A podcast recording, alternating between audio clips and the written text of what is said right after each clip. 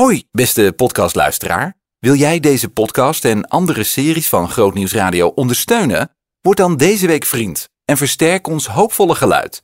Ga naar grootnieuwsradio.nl slash vriend.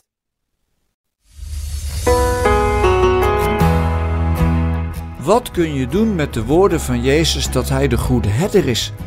We kennen waarschijnlijk allemaal het verhaal wel, maar als je midden in de stad woont en nog nooit een schaapskudde hebt gezien, is het iets dat je je moet inbeelden.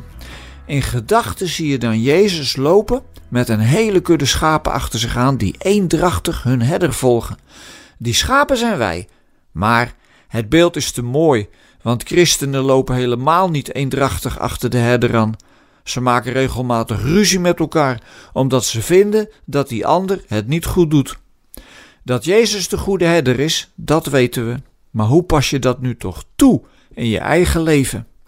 Behalve dat je er troost bij vindt en richting, zou je misschien ook eens kunnen proberen zelf een goede herder te zijn. Ik vind het altijd heel boeiend als christenen hoge leidinggevende posities hebben. Dan probeer ik te ontdekken hoe de wisselwerking is tussen hun geloof en hun beleid. Zeker voor zakenmensen liggen er dan veel valkuilen, net als voor politici, want voordat je het weet, heb je een versmelting van Gods belang en je eigen belang. Maar ik ken er wel een paar die zeer integer zijn en als invloedrijke persoon heel sterk uit hun geloof leven. Zelf een goede herder zijn, dat kun je natuurlijk ook in het klein. Waarom zou je als christen geen initiatieven nemen? Gelukkig zie ik dat vaak om me heen gebeuren. Christenen zijn niet geroepen om stil te zitten. Ook op het gebied van de klimaatverandering zie je steeds meer initiatieven uit christelijke hoek. Als iemand talent heeft om anderen aan te sturen op de weg naar het koninkrijk, is dat alleen maar prachtig. Maar wie initiatieven neemt, moet ook rekenen op kritiek. Een initiatief nemen betekent namelijk dat je uit je veilige bunker tevoorschijn komt. Met je eigen clubje bij elkaar zitten, dat is het veiligste. Iemand die zich kwetsbaar op durft te stellen, kan juist heel vaak zijn of haar neus stoten. En als je daar niet toe bereid bent, dan durf je blijkbaar alleen maar op de gebaande wegen en paden te lopen. Maar daar ligt vast heel veel stof.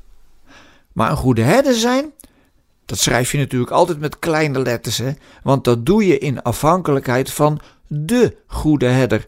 Anders ga je je nog verbeelden dat je het zelf bent die de oplossing hebt voor deze wereld. En die soort herders zijn er al te veel geweest.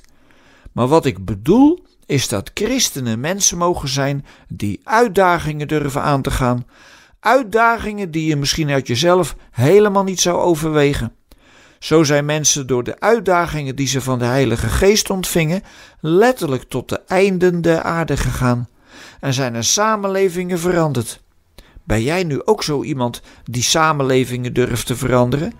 Nee, ik bedoel niet in de eerste plaats samenlevingen van volken, want die zijn vast te groot voor je. Maar ik bedoel wel de samenleving in je straat of in je huis.